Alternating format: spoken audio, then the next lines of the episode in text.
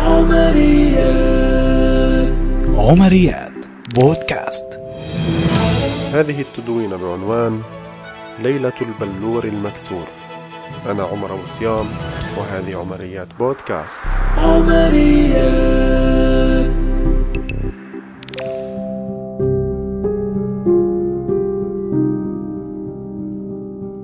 كم مرت علينا فترات صعبة وقاسية.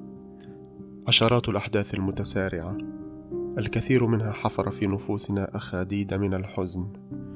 وذات الشمس التي أشرقت في الأمس لم تجلب لنا معها أي جديد كما وعدتنا عشرات الأغاني والعبارات الشعبية. لقد بنى فينا عنكبوت الخوف بيوتا من الوهن. عششت في ثنايا القلب. وصدقتها النفس ومضغها العقل وباتت جزءا من فطور الصباح. نحتسي معه القهوة ونبتلع يومنا على مضض. يا ترى ما الذي حدث؟ ومتى ستنقشع عنا هذه الغمة؟ هل عايش أسلافنا ما نعيشه بالفعل؟ هذا هو لسان الحال الذي يشغلنا. نعيش بين مطرقة الوباء وسندان العنف. فهل فعلا نود العودة إلى الماضي أم هو فتات من الأمل؟ نقتات به في أيامنا ريثما نصل إلى ذروة المستقبل. المستقبل المستقبل المشرق كما نحب أن نصفه باستمرار. المستقبل الشماعة التي تحتمل معنيين متضادين. الخير والشر والخط الوهمي الفاصل بينهما هو الأمل. كم مرة شعرت بأنك قد فقدت الأمل؟ الأمل في كل شيء. كم مرة فقدت الأمل بمجتمعك وإعاقاته النفسية المتمثلة بالعنف والإجرام والفوضى المتهالكة أم لعلك فقدت الأمل بالعودة إلى حياة بسيطة تخلو من كمامة دائمة ومعقم يقف لك بالمرصاد في كل مكان. كم مرة فقدت الأمل في نفسك وفي ذاتك وقررت أن ترمي بأوراق الحياة في وجه الوقت وتسلم يديك ولعل أسراب الدموع السائرة بانتظام في أخاديد وجهك تقول الكثير. الكثير عن النكبات والأوجاع التي تصادفك في صباح كل يوم جديد ولدته لك الشمس لأن يكون بارا لكنه كان شيطانا مشاكسا لم يدعك وشأنك حتى أنك تناجي الله بأن يمنحك حقك بالموت. هكذا وإلى الأبد. وصف الفيلسوف الألماني شوبنهاور الموت بأنه الهدف الحقيقي للحياة لأن لحظة الموت تقرر كل ما حول مسار الحياة والكفاح الذي تجلى في الحياة على نحو عابث وعقيم ومتناقض مع ذاته تعد العودة من رحابه خلاصا. بكلمات أخرى يعتبر شوبنهاور بأن الموت هو المحفز الأساسي للحياة. تخيل أننا نعيش بخلود دون تحديد للعمر والموت لا معنى له في هذه الحياة المترفة ماذا سيحصل؟ مثلا سأؤجل مشاريعي 500 سنة وأعيش في الكهوف 400 سنة وأبدأ ببناء بيتي بعد 50 سنة وهكذا دون خوف من تعطل الحياة بفيروس الموت فهي مستمرة أبدية ولا شيء أمامي لأتعجل على إنهائه أليس كذلك؟ ووفق ما يقول شوبنهاور فإن الموت هو الحافز الأساسي لبناء حياة مليئة بالإنجازات ومهمة حقيقية لإعمار الأرض قبل انقضاء الأجل في كل عصر وزمان على اختلافه. الأمل هو الابن الروحي للموت، وهو الفكرة المكملة والمناقضة له في آن واحد. يستمد البشر طاقتهم أو ما تبقى منها من الأمل بأن الحياة عبارة عن رحلة صيد مليئة بالمفاجآت والجوائز. لا تثبت على نفسها ولا تركن إلى قانون الركود. فمن استبدل الشمس بالقمر والصيف بالشتاء لن يضيره استبدال الأحوال ببعضها واستبدال الخوف بالأمن والمرض باللقاح. حينما اكتشف علاج وباء جدري البقر في القرون الوسطى المأخوذ من مواد من بثور جدري البقر خرج الكثير من الناس بمقولة أن هذا الدواء سيحول البشر إلى أبقار تائهة في المراعي. والنتيجة أن الوباء اختفى ولم تظهر سلالات جديدة من الأبقار. أما نيويورك فقد شهدت انتشارا للفوضى والجريمة المنظمة في ثمانينيات القرن الماضي وبادت من أخطر مدن العالم التي يصعب العيش فيها رغم الميزانية الضخمة التي ضخت في جهاز الشرطة والأمن. وفي يوم ما قرر عمدة المدينة تغيير استراتيجيته لمحاربة هذه الآفة فاقتطع من ميزانية الشرطة على حساب تصليح الزجاج المكسور في الأماكن العامة التي تكثر فيها الجريمة وأسماها حملة البلور المكسور. وكانت فكرة هذه الحملة تستند على أن الأماكن التي يكثر فيها الزجاج المكسور والنوافذ المهشمة والحيطان المصبوغة بالخربشات العشوائية توهم المجرمين بأن سيادة القانون في هذه المنطقة غائب وبالفعل لم يمضي شهور قليلة على تنظيف وترتيب وتصليح النوافذ المكسورة والحيطان المصبوغة حتى انخفضت نسبة الجريمة في المدينة وباتت نيويورك واحدة من أغنى المدن في الولايات المتحدة.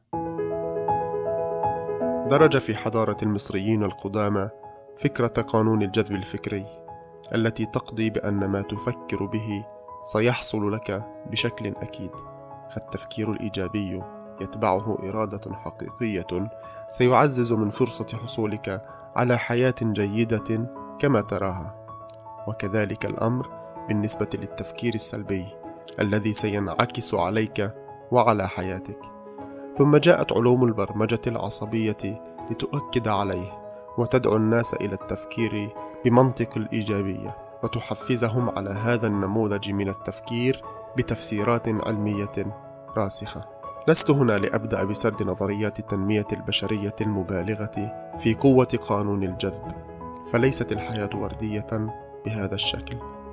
وما يواجهنا في حياتنا اليومية من عنف وقتل ونهب وسياسة السلطة التي تنتهج التعكير علينا في كل صفاء. وصفعنا صفعة توقظنا من ترف التفكير الإيجابي والسلبي على حد سواء. يجعل هذا الكلام مجرد نسيم لطيف في هذا الهواء. ولكن كم منا قرر أن يكون مرناة تتحلى بالقوة ولا تبث من رادارها سوى موجات الأمل والتحفيز. كم منا دار قلبه ولم يظهر شكوكه باقتراب الأمل رغم سياط اليأس والتعب التي تأكل ظهره كلما عصف بنا حادث ما. يختلف القائد عن غيره بأنه لا يقطع حبل الأمل مهما اشتدت الكرب. ومهما بدا النفق مظلما للعامة يستطيع القائد رؤية النور من مسيرة سنة وأكثر. يستمد نوره من قبس اليقين بالفرج الذي يحرص على تغذيته بالصبر والجلد. وقراءة التاريخ وسيرة الشعوب المقهورة التي انتصرت على جلاديها هو خير وقود لا ينطفئ. وقصص الأفراد الذين تغلبوا أخيرا على معاناتهم بمثابة نجم الشمال بالنسبة للبدو في صحراء الحياة. شرعي أن نجلد ذواتنا ومشاعر الحزن والخوف والإحباط هي مشاعر بشرية شرعية ليس لأحد أن يستطيع تجاهلها أو القفز عنها. ومن أجل ذلك على سبيل المثال هنالك أدعية دينية لطرد الخوف وهناك ما يسمى بصلاة الحاجة أو صلاة الخوف. فلا تغرنك المثالية الغزيرة التي نحاول كثيرا إظهارها. فمهما سمى المرء وتكامل وأظهر رباطة جأش سيعود إلى قوقعته البشرية الضعيفة مساء ولا ضير في ذلك. المشكلة تبدأ حينما يفقد المرء شهيته للحياة حينما يكون الخروج من جحيم التفكير المثبط مجرد ترف لا أصل له وأن تكون السعادة وبث روح العزيمة والمواجهة رغم هذه الظروف كفرا. لا يجوز الانخراط به. حينما يغدو التشكيك والسخرية من كل شيء عادة يومية. التشكيك بأهمية التطعيم من وباء جارف مادة دسمة لبث روح الخوف والفزع وتحويل نداءات مناهضة القتل إلى صيحات غراب ناعق يبشر باستمرار الدمار والخراب. ميز الله الناس بعضهم على بعض وأعطى لكل فرد فينا ضماده خاصة يعالج بها جروحها النفسية والانكسارات والخيبات التي سببتها له الحياة. وقد تكون هذه الضماده على شكل فيلم تشاهده أو مشوار تحت قبة السماء وفوق صفحات الجبال. ولعل ضمادتك في مجموعة من الرفاق من حولك أو جلسة هادئة في مكان معزول. لا يهم شكل الضمادة بقدر ما يهم أن تستعملها. خلق الله الإحباط ليكون الكفن الأخير الذي يلف أحلامك المتعبة والمهترئة. والترياق المر الذي سيحفزك على النهوض من مرض الحزن واليأس الذي تسببه لك الحياة. كدودة القز التي تخنق نفسها بخيوط من الحرير المزعج لتتفتق عنها لاحقا وتطير نحو النور.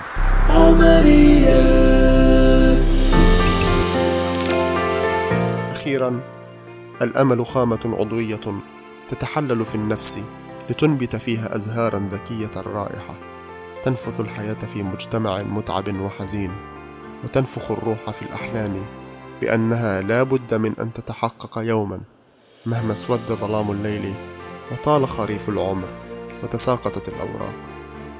آمل أنكم قد استمتعتم بما قدمته لكم وإلى لقاء آخر في الأسبوع المقبل في عمرية جديدة. إلى اللقاء. عمريات. عمريات. بودكاست.